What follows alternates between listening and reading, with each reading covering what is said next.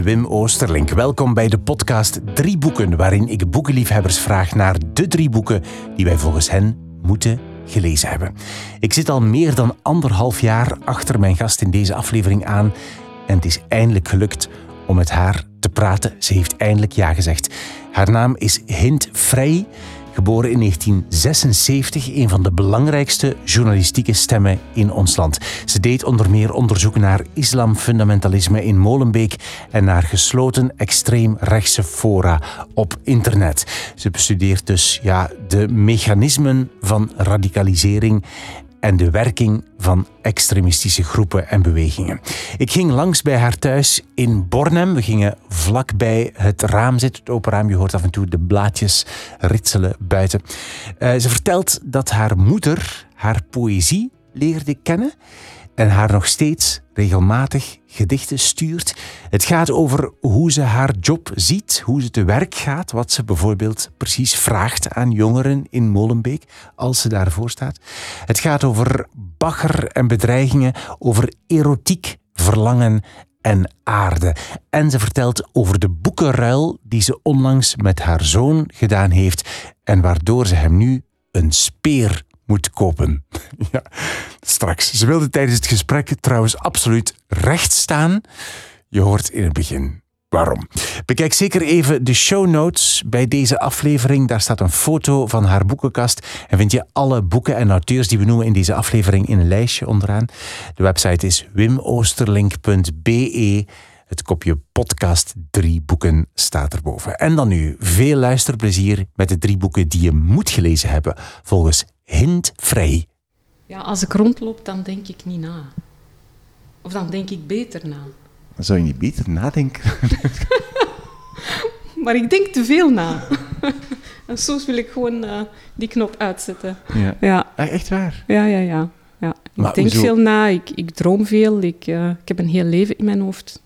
Ja, een beetje te veel. En, en dat zorgt soms voor afleiding, uh, verleiding. Um, ja, dan ben ik er niet. Soms heb ik dat zelfs tijdens vergaderingen of ja, dat je weg bent. Een druk hoofd, ja. Dat ik gewoon even weg ben, ja. En hoe helpt rondlopen? Je bent mijn eerste gast in heel de podcast die, wil, die graag wil rechtstaan. Dus dat ja, als het aan mij lag, was het eigenlijk zelfs gaan fietsen of wandelen of autorijden. Ja. Uh, iets doen. Um, waardoor dat ik dan gewoon niet zit. En, en mij zo bewust ben van het zitten en zo bewust ben van een gesprek. En wat moet ik zeggen, hoe moet ik het zeggen. Um, dus um, als het aan mij lag, was het zelfs gewoon dansen. Dansen? ja. Ik kan hier een muziekje opzetten. Maar je uh, voor, ja. ja. Maar dan over boeken praten terwijl je danst, is wel complex. En ook, ook met de, we hebben een micro vast natuurlijk, dus dat is een beetje, een beetje ja. complex met draden moeilijk. Maar hoe? Ik snap, ik snap het wel ergens. Goed. Ik snap het wel. Het ik, leid ook een zittend bestaan. Hè. Uh, ik, ik, zit heel vaak, heel veel. Ja. Beetje te veel. Ja. En uh, ik heb het gevoel dat dat mijn denken ook verroest. Niet alleen maar mijn lichaam, maar ook mijn denken. Ja. Allee. Ja. Dat is interessant. Raar, hè?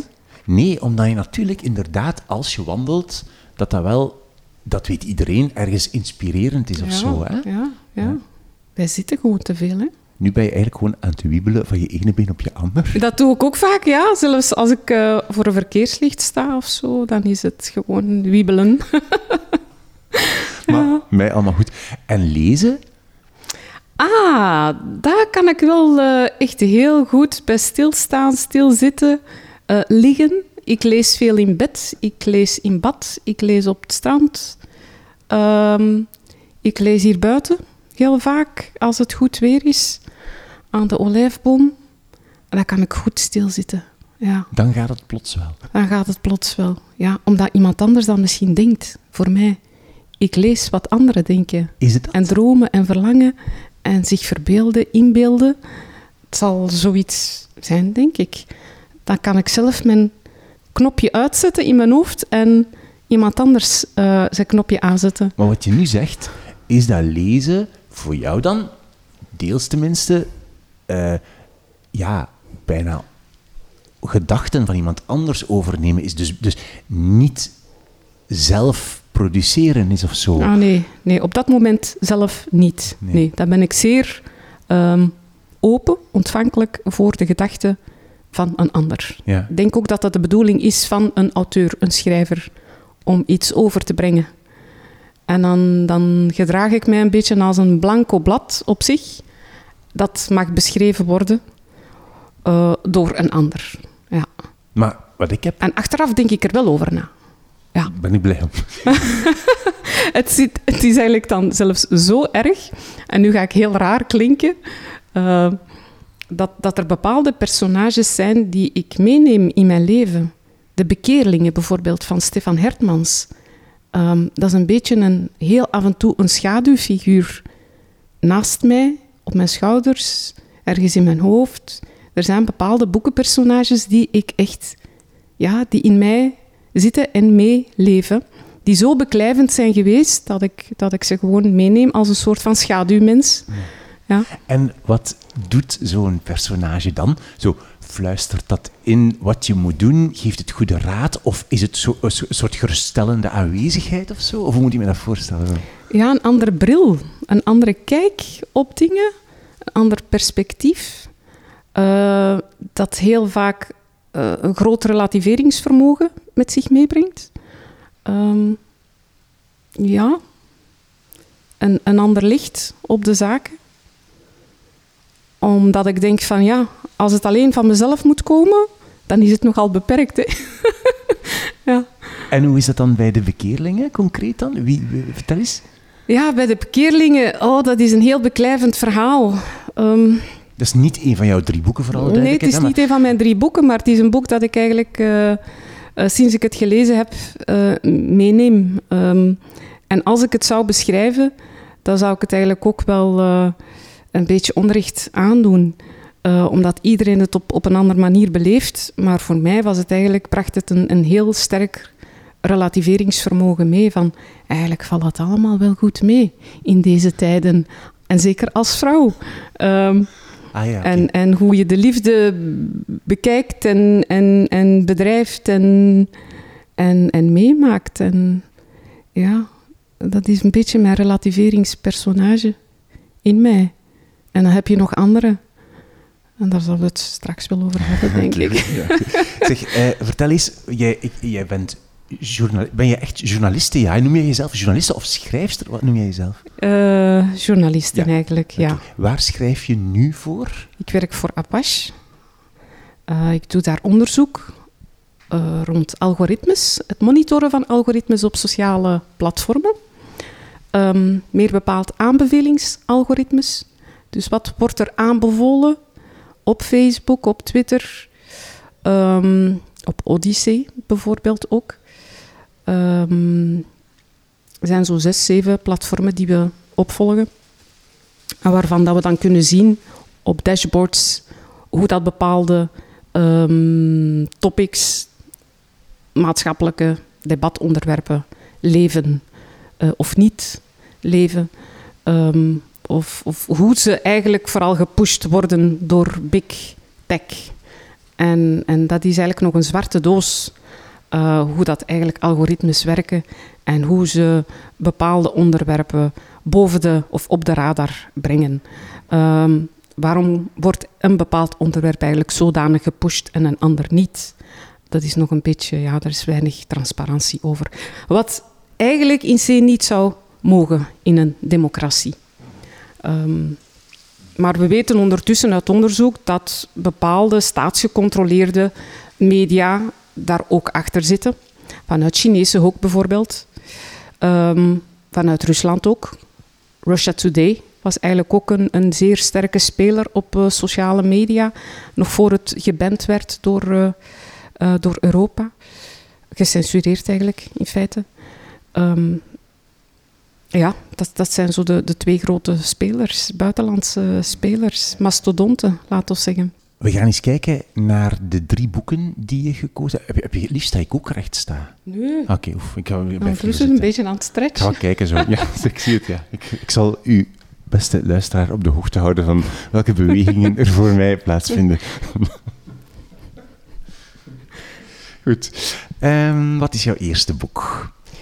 Mijn eerste boek is een, uh, een dichtbundel, poëzie, van Charlotte van den Broek, Aarduitwrijvingen. Waarom dit boek? Het, het, brengt twee zaken samen die ik, uh, waar ik toch wel een liefhebber van, van ben. En dat is uh, poëzie. Ik ben een grote poëzieliefhebber. Um, en ik, ik heb ook iets uh, met ero erotische verhalen. Um, omdat erotiek zwaar onderschat wordt. Het is een, een, een primaire vorm van macht. We denken bij macht heel vaak aan um, politieke structuren, ideologieën, mm -hmm. religie, overtuigingen, geloof, um, bastions. Maar ik denk dat erotiek. En als we het dan zeker niet beperken tot het vleeselijke, het louter rudimentaire vleeselijk contact, mm -hmm.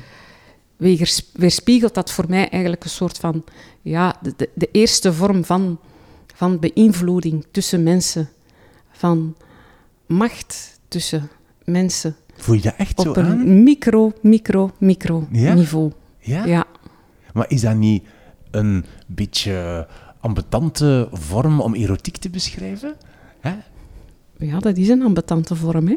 Het is niet alleen maar een heel mooie vorm, maar mooi kan ook ambetant zijn. en ehm, het, heeft, het heeft zoveel lagen erotiek. En onze eerste kijk daarop is heel vaak het, het vleeselijke contact, wat ik een, een zeer rudimentaire vorm vind, een, een beperking daarop. Uh, maar, maar het gaat veel dieper en, en, verder dan dat. Eigenlijk is het een, een spel tussen, tussen twee mensen, of zelfs meerdere mensen, uh, waarbij dat je eigenlijk geen instrument voor nodig hebt. Je hebt daar geen politieke partij voor nodig, je hebt daar geen structuur voor nodig, je hebt daar geen religie voor nodig, geen heilig boek voor nodig, maar eigenlijk gewoon een spel van verlangen en verleiding. En wie trekt wie? Wie neemt het initiatief? Wie gaat erop in? Wie stopt? En bij het stoppen heb je dan macht of niet? Als je verder gaat in het spel, wil je daar ook iets mee zeggen? En heb je ook een beetje de touwtjes in handen?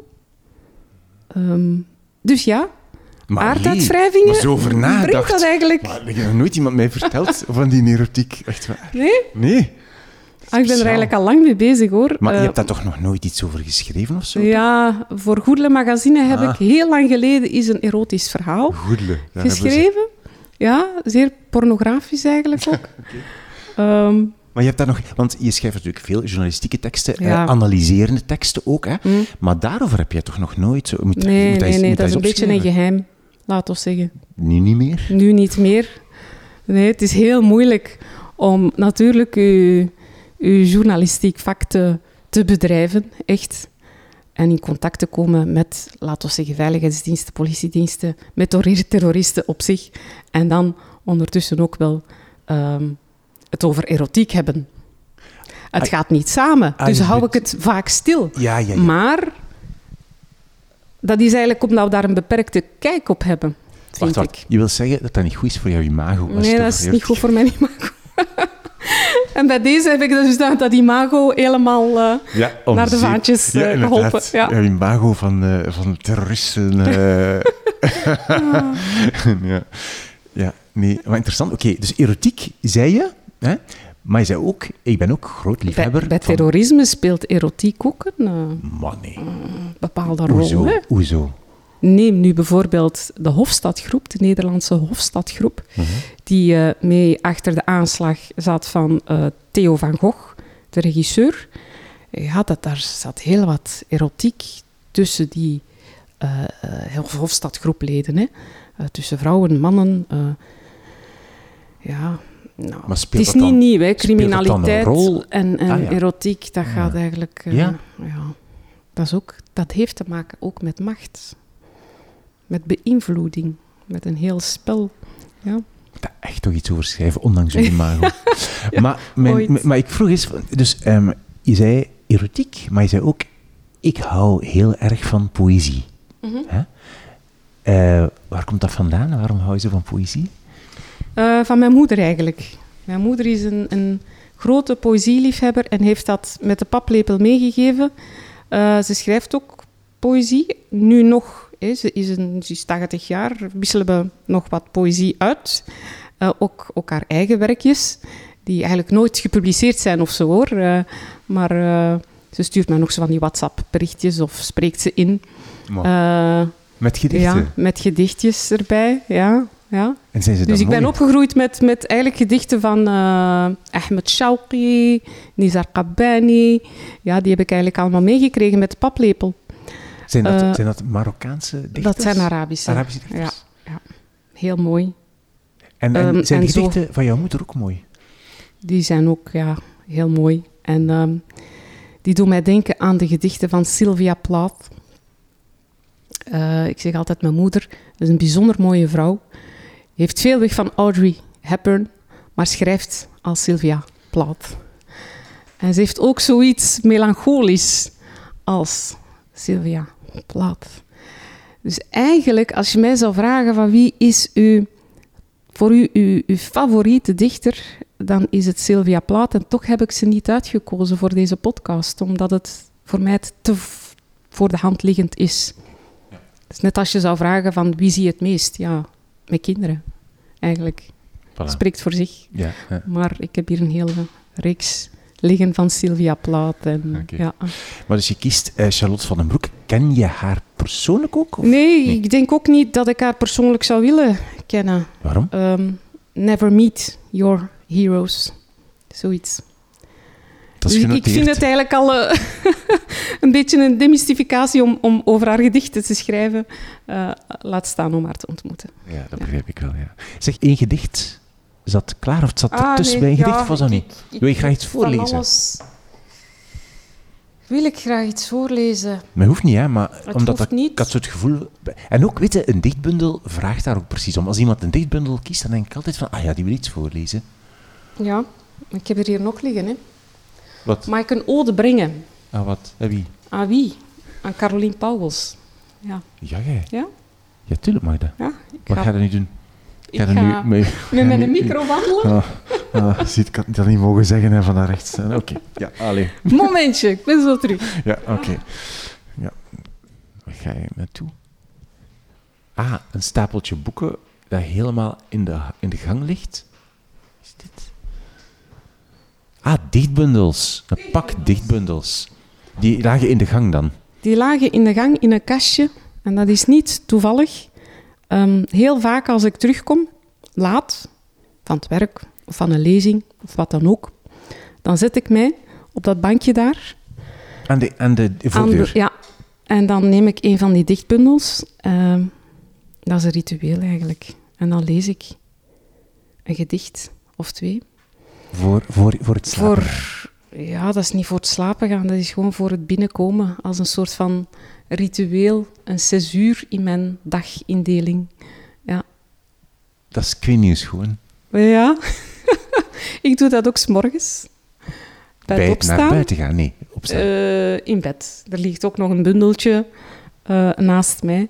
En dan, dan lees ik een gedicht of twee. Allee. En dan, eh voilà. Hier ligt, even zeggen wat, gewoon, dan moet jij maar zeggen wat je gaat lezen, maar hier ligt dus Anne Provoost, Marieke Lucas Rijneveld, eh Comijn Splitsers. Ah ja, dat, dat is... eh, ah nee, Tjitske Jansen, Liefde, ehm, Amanda, Amanda Gorman, Ja, eh, de, eh, van, eh, van eh, eh, dingen, hè, van... eh, de president. ik ging zeggen Obama, maar het is niet Ja. Obama, van eh, Joe Biden. Biden. En hier ligt ook nog Alicia ah ja, dus de filosoof Ja. met Trojaanse gedachten. Ik wist niet Ja, Ehm, wat wil je nu? Je wil iets lezen aan voor. Maar dus we, gaan, we hebben het eigenlijk over Charlotte van den Broek, maar je wil nu een ode lezen aan. ehm, Wel, het is een mooie rector. zomer geweest eh, voor mij, maar het is ook een beetje een zomer van verdriet geweest. Ik ben eh, twee vrienden verloren. Een vriend is uit het leven gestapt. En dan heb je ook nog Caroline Pauwels, die ik heel graag zag. Ehm, en eigenlijk, ja, ik, ik, ik lees gedichten om, om een beetje hartpijn ehm, te verzachten, zielspijn te verzachten. Om, om een césuur ook te maken in mijn dagindelingen. Eh, en deze zomer had ik het toch wel moeilijk ja, met het verlies van die twee mensen die ik graag zie. En eh, ja, dan heb ik eh, de bundel van Anne Provoost gekocht. Krop heet die, de laatste. Een nieuwe. En ik vond eigenlijk toch wel troost bij het gedicht Lang. Oké, wacht. Hè. Van, oh, kende je uh, Caroline Pauls persoonlijk? Was ik ken haar vriendin? persoonlijk, ja. Echt een vriendin van jou, oké. Dood is maar voor even. Daarna komt wat altijd is geweest. Leven, leven, leven. En dat, dat is het eigenlijk gewoon. Het is verder gaan. Ja. Iets wat we altijd als mens hebben gedaan. Gewoon verder gaan. Ah, zo een beetje bijtend. Zo, ah. Ja. Ja, uit krop van, eh, van Anne Provoost. Ehm, we komen van Charlotte van den Broek. Je zei daar straks... ehm, wil je nog iets lezen of iets tonen? Nou ja, de lieve naakte bloeier. Die staat hier nog gemarkeerd. Wacht, dit is, dit is in de bundel van Marieke Lucas Rijneveld. En Die had ik voorgelezen aan mijn zoontje.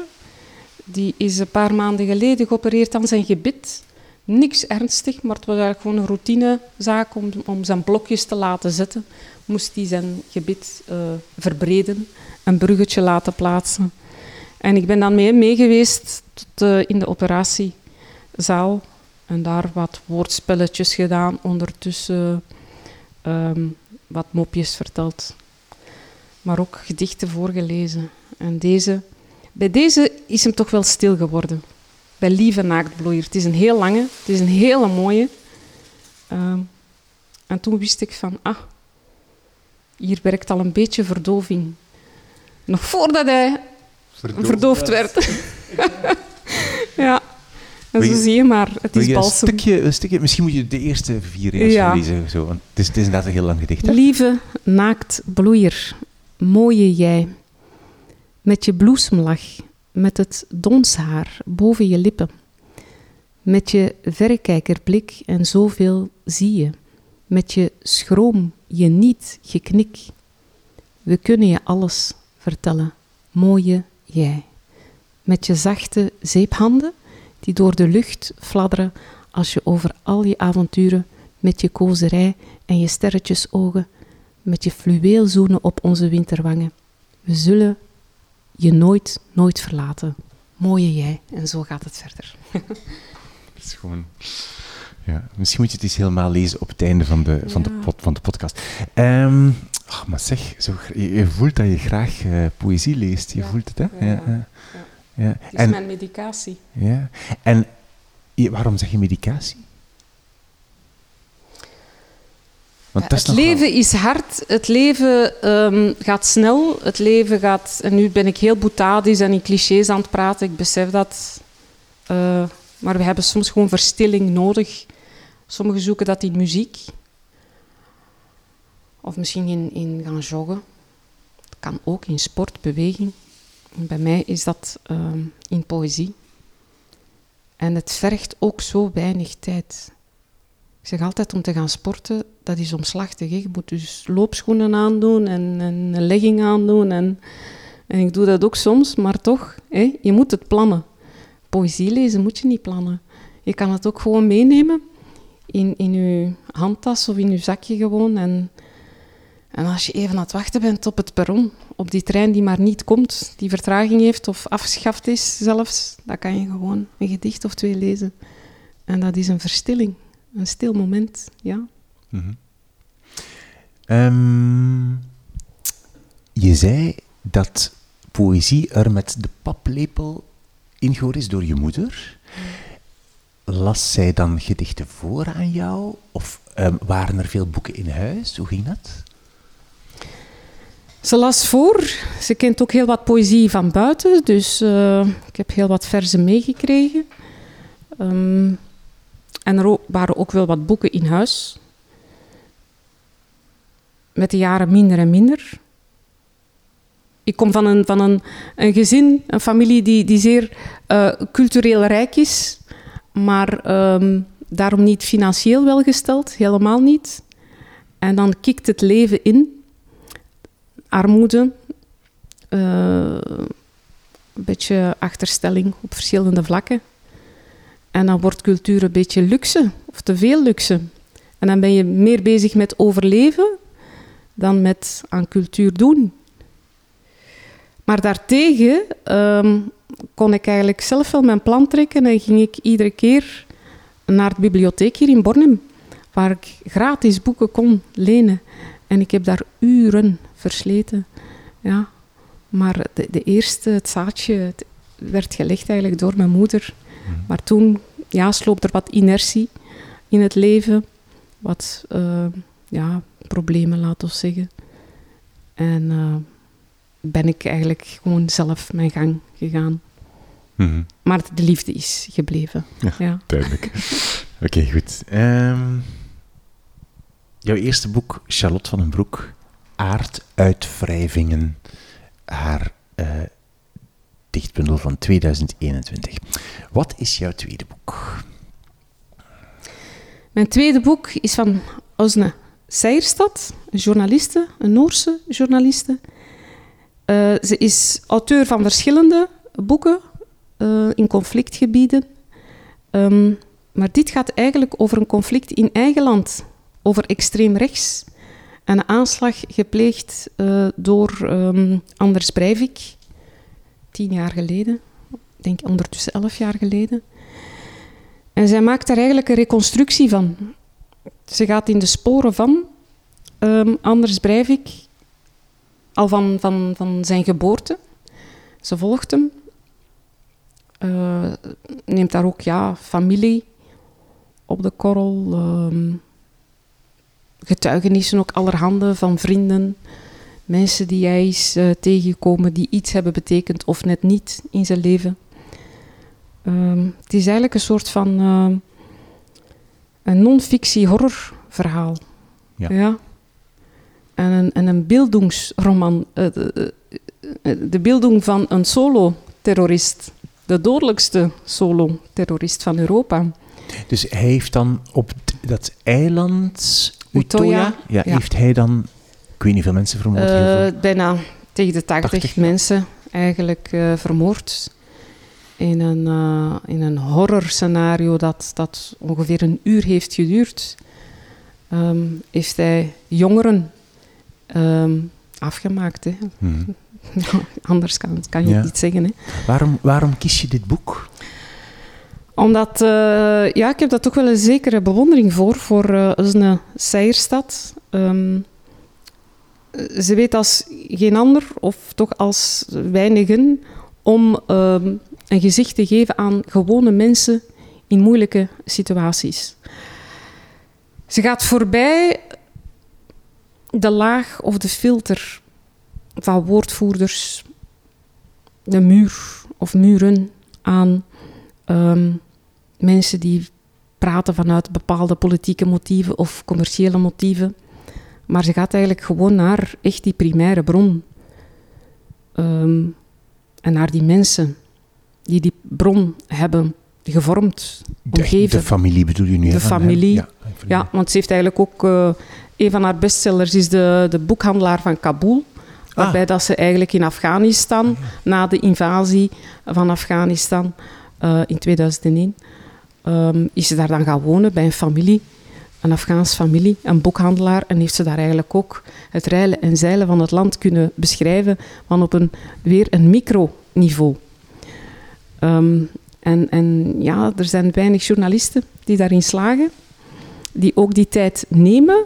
Want om, om zoiets te volgen, dat vergt toch wel wat eh, werk van, van lange adem.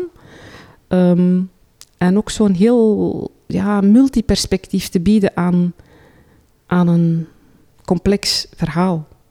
Niet vanuit één stem, maar verschillende stemmen, jarenlang.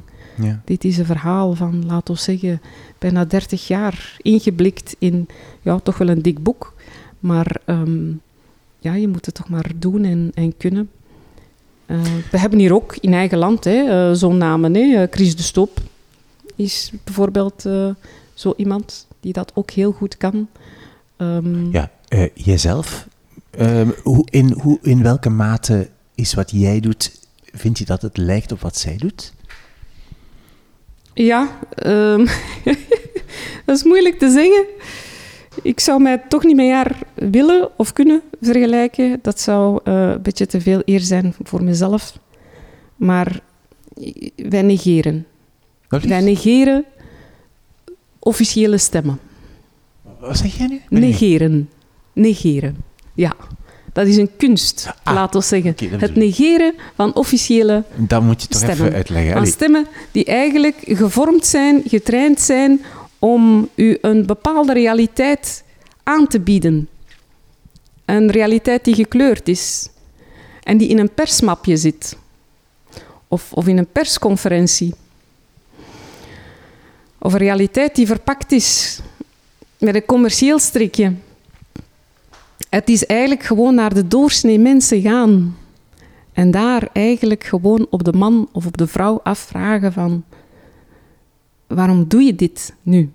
En ik heb dat proberen te doen met mijn eerste boek, eh, Undercover in Klein Marokko. Dat heb ik ook genegeerd. Ik heb een aantal instellingen en verenigingen en het middenveld genegeerd. Politiediensten, veiligheidsdiensten, gewoon negeren. Omdat er een filter op zit. Er zitten heel wat filters tussen. mhm. En dan is het eigenlijk gewoon veldwerk doen naar het terrein zelf. En aan, aan die jongeren daar op het pleintje vragen van... Kijk, wat doen jullie hier eigenlijk de hele dag? En ik moet zeggen, hun, hun mond viel heel vaak open. Dat die zoiets hadden van... Huh? Wat kom jij hier doen? Er komt iemand Er vragen komt aan hier, ja, we zijn toch wel interessant op de een of andere manier. Ehm, en dan krijg je heel wat los. Rauwe info krijg je dan los. Echt rauw. En dat brengt mij terug bij die aarduitwrijvingen van Charlotte van den Broek. Dat is een, een manier van eh, journalistiek bedrijven die, waarbij dat je je handen vuil maakt. Echt de aarde in. In het Engels hebben ze daar een mooi woord voor. Unearthing. On, ontaarden, onaarden. Uit de Graven op- ja. eigenlijk, maar ik vind het zo een beetje... Graven vind ik nog een beetje te, te klinisch, te steriel. Dit is echt je schubje erin steken en... Ja, wat komt er dan onder die aardkorst? Mhm. En dat is eigenlijk nog zo bijna onontgonnen, maagdelijk, ehm, niet afgelikt. Je krijgt antwoorden die eigenlijk niet in een malle molen zitten, voorgekoud door een, een, een, ja, een, een politieke machtsstructuur. In dit geval dat wel bij Molenbeek door een religieuze kijk, een, overtuiging. Maar als je dat gewoon bepaalde vragen daar stelt aan, aan jongeren van 16, 17 jaar, die eigenlijk gewoon genegeerd worden zelf, ja, dan denk ik van, ik wil de genegeerden net gaan opzoeken. Wat vraag je dan? Dus als je, je staat voor zo'n jongen of meisje, wat vraag je? Wat is jouw vraag? Vraag je, wat Ja. zit je hier eigenlijk de hele dag te doen? Vraag je dat? Ja, absoluut. Ik zeg altijd, om aan journalistiek te doen, heb je zo goed als niks nodig. Je hebt alleen maar ogen en oren nodig. Pen en papier hoort er ook nog bij, maar dat is eigenlijk ook zoiets heel eh bazaal. En later komt daar de computer bij kijken om je tekst uit te, te typen. Maar je stelt de maar vraag. dat is het, hè. Dus stelt- voor de rest, ik heb die Ja. mensen dan al lang geobserveerd. Ja, je stelt echt de basisvraag. De van, me uit basisvraag, van wat ja. zit er hier nu? Ja. En de tijd nemen. En dan de dag daarna nog eens gaan langsgaan. Van, oh, je zit hier weer. Tja. En wat zit je hier eigenlijk echt te doen? Ga maar toch niet zeggen dat je hier gewoon zit te doen. Zit te kijken naar de mensen, de passanten. Nee. Maar het is een zeer ontwapenende manier van naar mensen toestappen. Het is het verstand weer op nul zetten, uitzetten. U gedragen als een blanco blad en zeggen van beschrijf mij. Ik zal later daar wel het een en het ander een kritische kijk op, op, op bieden, uiteraard. Maar schrijf. Beschrijf uw leven. Ik ben echt geïnteresseerd in, in het dagdagelijkse, Mhm. het, het, het onnozelste. Omdat die details eigenlijk heel vaak veel zeggen. Meer dan de macrovisies van een woordvoerder of van een minister of van een, eh, een marketingafdeling. Heeft dit boek van, van Osne Zijerstad jou daar in geïnspireerd dan? Of, want denk het niet, hè, want dat boek zal later zijn. hè? Nee, dat boek is van later. Ja, Eh, zelfs eh, eh, De Boekhandelaar van Kabul ehm, is van, denk ik, 2002, 2003. Toen had ik het, denk ik, nog niet gelezen. Nee, het was eigenlijk meer een, een natuurlijke reflex om aan journalistiek te doen. Om gewoon naar het terrein te gaan en mensen spreken, doorsnee mensen, die eigenlijk toch niet zo doorsnee zijn, want we spreken hier over probleemjongeren. ehm, die niet naar school gaan, die niet werken. Hebt, Maar eh, ik heb sorry. dus de kans gekregen om haar te interviewen. Ah, En pardon. ik wou dat niet. Maar je wil Charlotte van den Broek niet ontmoeten? Nee. En je wil jou, haar, Haar wil ik dus niet ontmoeten. Charlotte van den Broek, Osne Seierstad heb ik dan wel ontmoet. Ik heb haar gesproken, maar ik wou niet interviewen. Want Waarom ik dacht van, ja, dat, dat is weer een beetje demystificatie. Ik moet hier een andere bril opzetten. Een kritische. Ik moet hier eigenlijk doorheen lagen proberen te gaan. En, Maar het is toch niet waar? Je kan toch gewoon vragen van... Hoe, waar, hoe heb je dat gedaan? En je kunt toch... ja, dat heb ik gedaan in een, in een gesprek. Ja, zonder het uit te typen, zonder het in een format te gieten, zonder eh, woorden te schrappen of anders te formuleren. maar ik als publiek, ik had het wel graag gezien. Versta je? Ik had wel graag Ah, ja. jouw interview met Ja. haar gezien. Ja, kijk, dat zal de egoïst in mij zijn. En hoe, hoe was ze?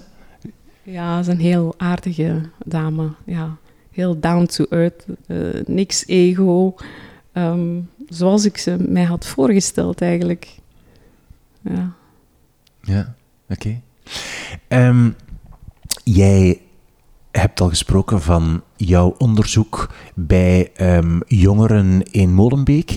Ehm, je hebt intussen, jaren later, ook het, het bekende onderzoek gedaan naar extreem rechts op eh, forums en, Facebook en zo en dergelijke. Het is ook uitgebreid in het nieuws gekomen. Eh, weet je waar dat vandaan komt, zo? Die drang om je daarin te begeven. Je hebt ook voor de Deense televisie, dacht ik, in Aarhus, eh, is dat dat een, eh, een onderzoek gedaan, ook naar jihadisten, als ik het Mhm. goed heb. Ehm, dat is toch, ja, dat is toch, je kan zeggen van, oké, ik ben journaliste, ja, ja, maar het is toch iets meer dan dat. Niet elke journalist doet dat, bijna niemand doet dat. Waar komt dat vandaan?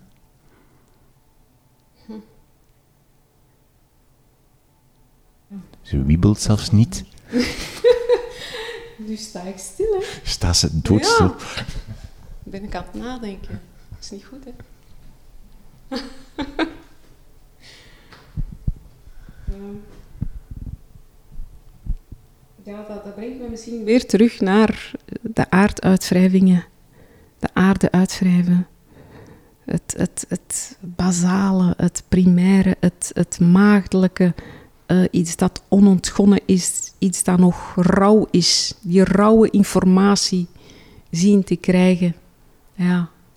Ja. Nog voordat daar academici over gepasseerd zijn. Nog voor het ingeblikt wordt om geanalyseerd te worden door historici. Gewoon verkennen. Ja. Ja. Ehm, moest ik in een legereenheid zitten, dat ik dan misschien wel bij de verkenningspatrouille zat. Ongetwijfeld. De wandelaars. Ja. ook. Zeg, ehm, toen jouw, ehm, ja, eigenlijk bij elk onderzoek in Vlaanderen dat je uitbracht in boekvorm, jouw, jouw Molenbo- Molen, Molenbeek-onderzoek, als ik het zo mag noemen, in boekvorm uitkwam, ook toen jouw onderzoek naar extreem rechts op forum, forums en Facebook uitkwam, ehm, kreeg je, ik kreeg telkens natuurlijk heel veel kritiek. Hè? Deels om wat je daarnet zei. Dat je natuurlijk zo de officiële bronnen allemaal, de woordvoerders allemaal, huppakee, weg. Dus bij jouw onderzoek in Molenbeek was, kreeg je bijvoorbeeld heel veel kritiek van, van links, het linkse hoek. Heel veel kritiek uit ehm, ehm, Marokkaanse hoek, denk ik. Ja, Klopt, hè? hoek. ja. Extreem rechts zal, zal je wellicht heel veel kritiek uit extreem rechtse hoek Mm. gekregen hebben, neem ik aan. Ehm, is dat niet heftig? Ja, dat is heftig, maar ik, ik praat daar eerlijk gezegd niet over. Ik wil daar ook niet over praten. Je wilt, dan, je wilt daar gewoon niet over hebben, bedoel je? Nee. hebt zoiets van, whatever. Het gaat niet over mij. Het gaat over, over wat je onthuld hebt, wat je gezegd hebt, de informatie die je naar boven brengt. Het onderzoek op zich. Daar Ja. gaat het om. Het Ja. gaat niet om wat ik, welke bagger ik krijg, welke bedreigingen ik, ik ontvangen heb. Eh, ehm, dat, dat is eerlijk gezegd, dat is toch zielig om het daarover te hebben. Dat is, dat is gewoon ronduit pathetisch. En moest ik het daarover hebben, dan zou ik een, een principe, een journalistiek principe schenden. Namelijk, the reporter never becomes the story. Het is het verhaal dat telt en niet degene die het beschreven heeft. Dat. En twee, moest ik het daarover hebben, dan zou ik eigenlijk ook ehm, zelf een aflei- afleidingsmanoeuvre creëren voor mijn, mijn werk. Ik wil het hebben over de mechanismes van radicalisering. Ik wil het hebben over de, de, de recruteringsmethodes bijvoorbeeld van extremistische groeperingen en bewegingen. Eh, Daar wil ik het over hebben. En niet over eh, de, de bagger die ik krijg of, ehm, of nog ergere dingen dan bagger. Mhm. Dat zijn mijn zaken. ja. Maar ze, de reden waarom dat ik het natuurlijk aanbreng, is omdat dat ze duiden op een grote drang bij jou om het toch te blijven doen. Da- daarom breng ik het aan, daarom zeg ik het, daarom benoem ja, ik het. Ja, ja, dat is koppigheid. Ja. Oké. Jij noemt het drang, ik noem het gewoon koppigheid. Het is gewoon doen. Leven, leven, leven. Het is het gedicht eigenlijk van, hè, wat, wat Anne Provoost, het gedicht dat ik daar juist heb voorgelezen. Hè. We sterven iedere dag een beetje, hè, op verschillende manieren. Ja. Maar we gaan gewoon verder. We moeten leven, leven, leven. Ja. En werken, werken, werken, dat hoort daar ook bij. Ja, ja. Zeg, ehm, jouw recentste boek heet Antipode Ja. en gaat over eigenlijk de, verschillen, de verschillende soorten van extremisme, als ik het eh, Ja. goed eh, samenvat. Ehm, jij bent in die verschillende milieus gedoken. Hè? Wat is eigenlijk het verschil tussen extreem ehm, ehm, jihadisme bijvoorbeeld of zo, of, eh, en extreem rechts? Is, is dat, kan je dat vergelijken? Is dat een beetje van hetzelfde? Of is dat helemaal anders? Hoe zie jij dat? Eh, er zijn raakvlakken, er zijn parallellen. Gelijkenissen uiteraard. In recruteringsmethodes. In ehm, het, het, het maken van propaganda. De manier van communiceren.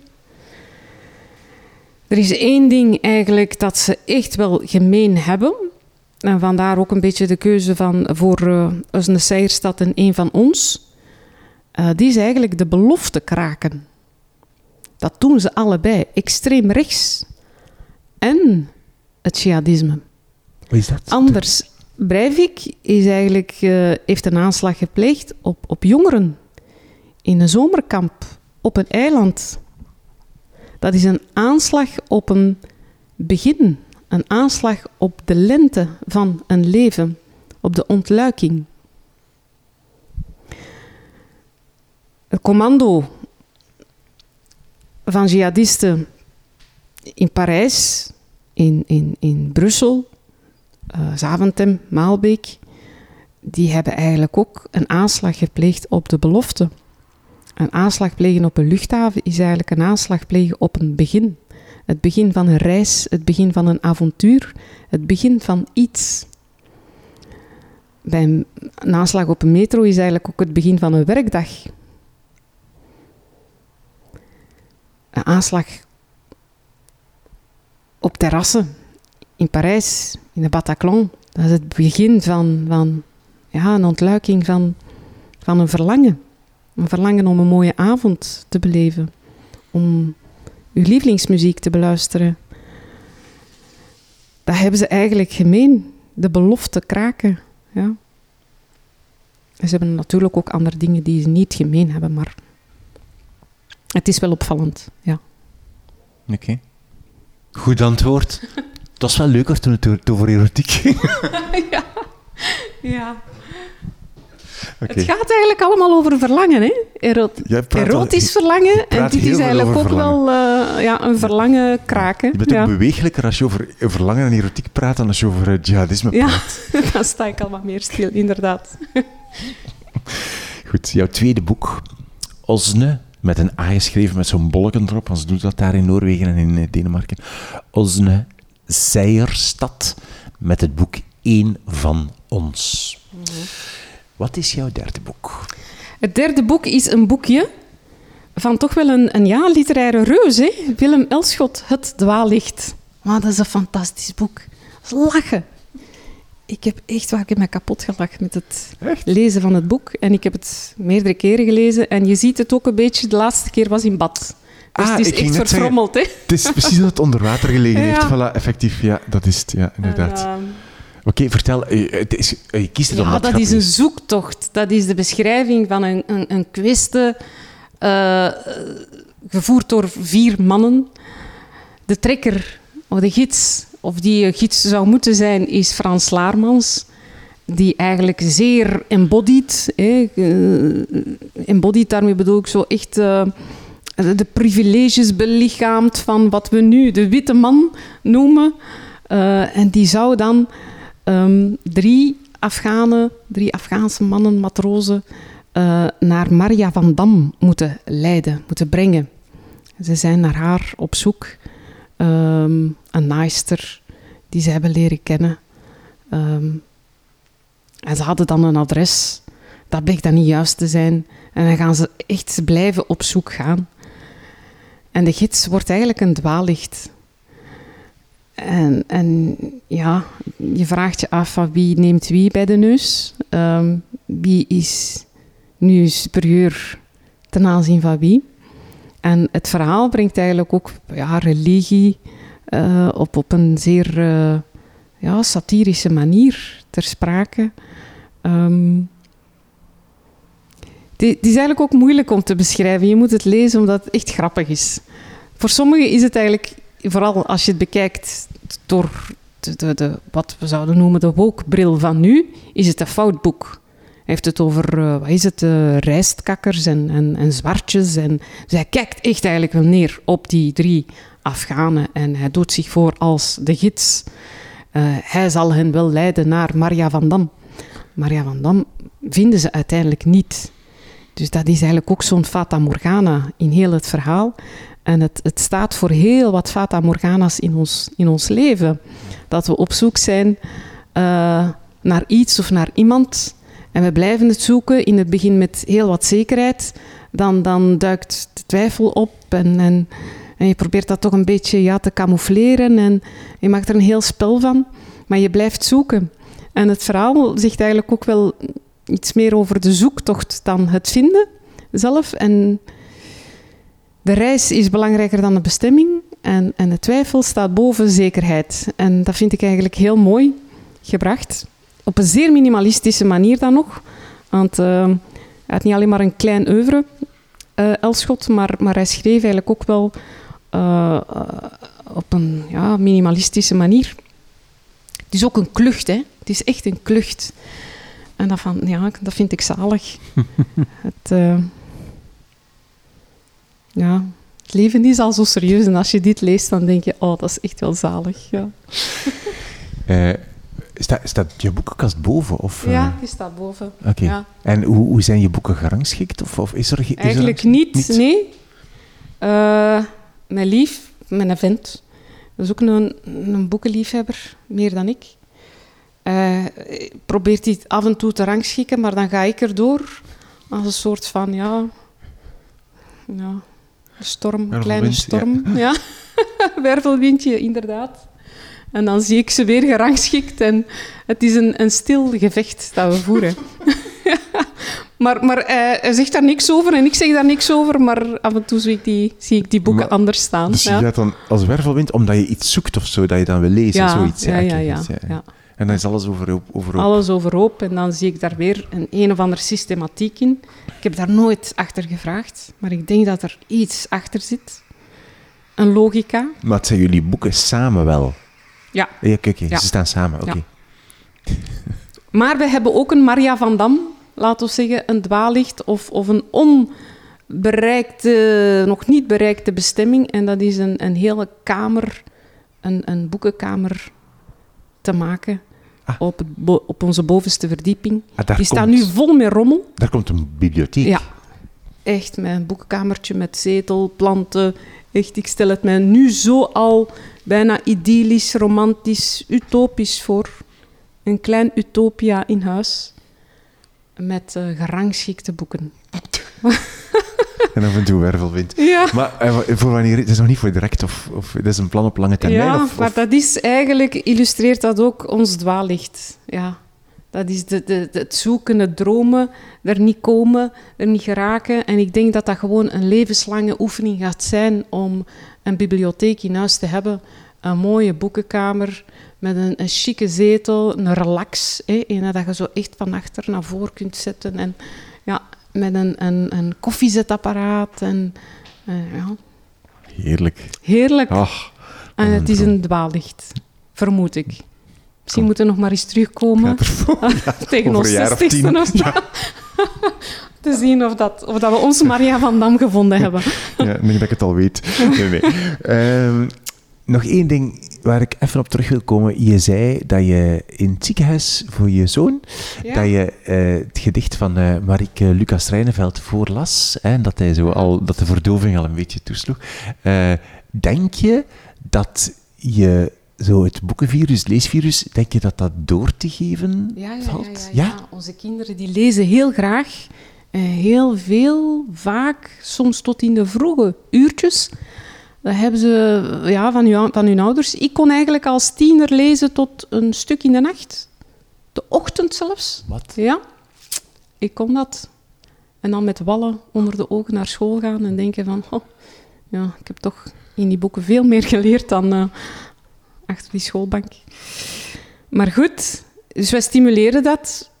En- Daarom niet actief, maar En het lukt dus. ze zien het ja. en, en ze doen het. Ja. Ja. het lukt. En zo'n lief is nogal eh, zot van fantasy, science fiction, horror.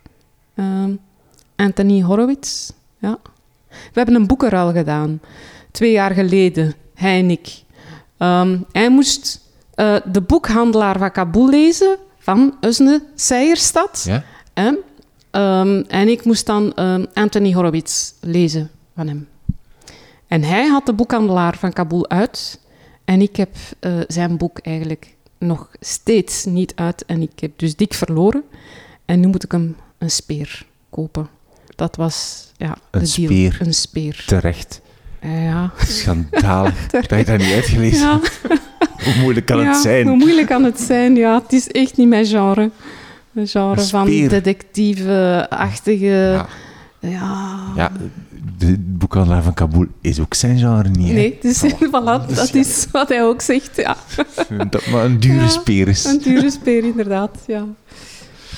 Eh, wil jij jouw drie boeken nog eens herhalen voor mij, alsjeblieft? ja. Wat is jouw eerste boek? Het eerste boek is een poëziebundel van Charlotte van den Broek, Aarduitwrijvingen. Twee. Het tweede boek is van Usne Seierstad, één van ons.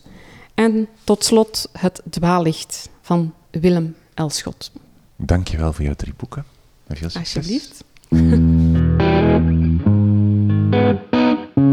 Dit was mijn gesprek met Hindvrij. Alle auteurs en boeken die we noemen in deze aflevering vind je op de website wimoosterlink.be onder het kopje podcast drie boeken, inclusief een foto van haar boekenkast. Je kan drie boeken ook volgen op Instagram voor meer boekenfoto's. Drie in letters geschreven underscore boeken. Abonneer je zeker op deze podcast. Geef ook een recensie op eh, Apple Podcast. Dat helpt om ehm, de podcast hoger in de, in de hitlijst te krijgen, als het ware. En eh, meer mensen de podcast te laten ontdekken. En laat vandaag of morgen aan twee vrienden of vriendinnen weten dat ze ook eens naar deze aflevering moeten luisteren. Daar doe je mij een groot plezier mee. Je kan ook eh, tweeten hè, op Twitter over deze podcast. Je kan mij taggen op Instagram. Gebruik de hashtag drieboeken. Enfin, you know what to do. Ik ben Wim Oosterlink. Dit is de podcast Drie Boeken. dank je wel om te luisteren en tot de volgende keer. Lieve naaktbloeier, mooie jij, met je bloesemlach, met het donshaar boven je lippen, met je verrekijkerblik en zoveel zie je, met je schroom je niet geknik, we kunnen je alles vertellen. Mooie jij, met je zachte zeephanden die door de lucht fladderen als je over al je avonturen met je kozerij en je sterretjesogen, met je fluweelzoenen op onze winterwangen, we zullen je nooit, nooit verlaten. Mooie jij, met je schipbreukmomenten, met je aarzelingen en je stakingen, als je het ergens niet mee eens bent en hoe je je verslikt in een woord als je te snel van iets af wil. Je angstvallige gehoop op beterschap voor de wereld, voor ons. En af en toe voor jezelf, hoe je kunt opspringen als je ergens onrecht. Mooie jij, met je rietblonde haar, met je streken en je snakerij, met je atletenbrein en niet vies van de duurloop van de week, met je getik op de tafelrand, je neuriet, een radioliedje en waant je soms een muzikant. Groots en belangrijk, voor ons ben je dat. Altijd. Eeuwig een toverhazelaar, een naakt bloeier. Mooie jij met je gelanterfant, met je parelende stem. Geen schelmachtige uitspraak verlaat het pakhuis van je lichaam. We zijn er voor je, ook als we even uit beeld zijn. Als we je niet kunnen omhelzen en fluisteren dat je het goed doet. Mooie jij, met je gekke bekkengezicht en steeds de andere vrolijk. Met je gebloos als iemand iets liefs tegen je zegt. Met je raak me aanhouding en veelal nog zo slungelachtig in je bestaan. Niet wetend waar je je armen moet laten, je zwiert van seizoen naar seizoen. We bemesten je zo nu en dan met wat wereldweetjes. Laten je groeien en als je scheef dreigt te gaan, sturen we bij. Mooie jij. Blijf ontluiken, blijf zo schitterend bloesemen.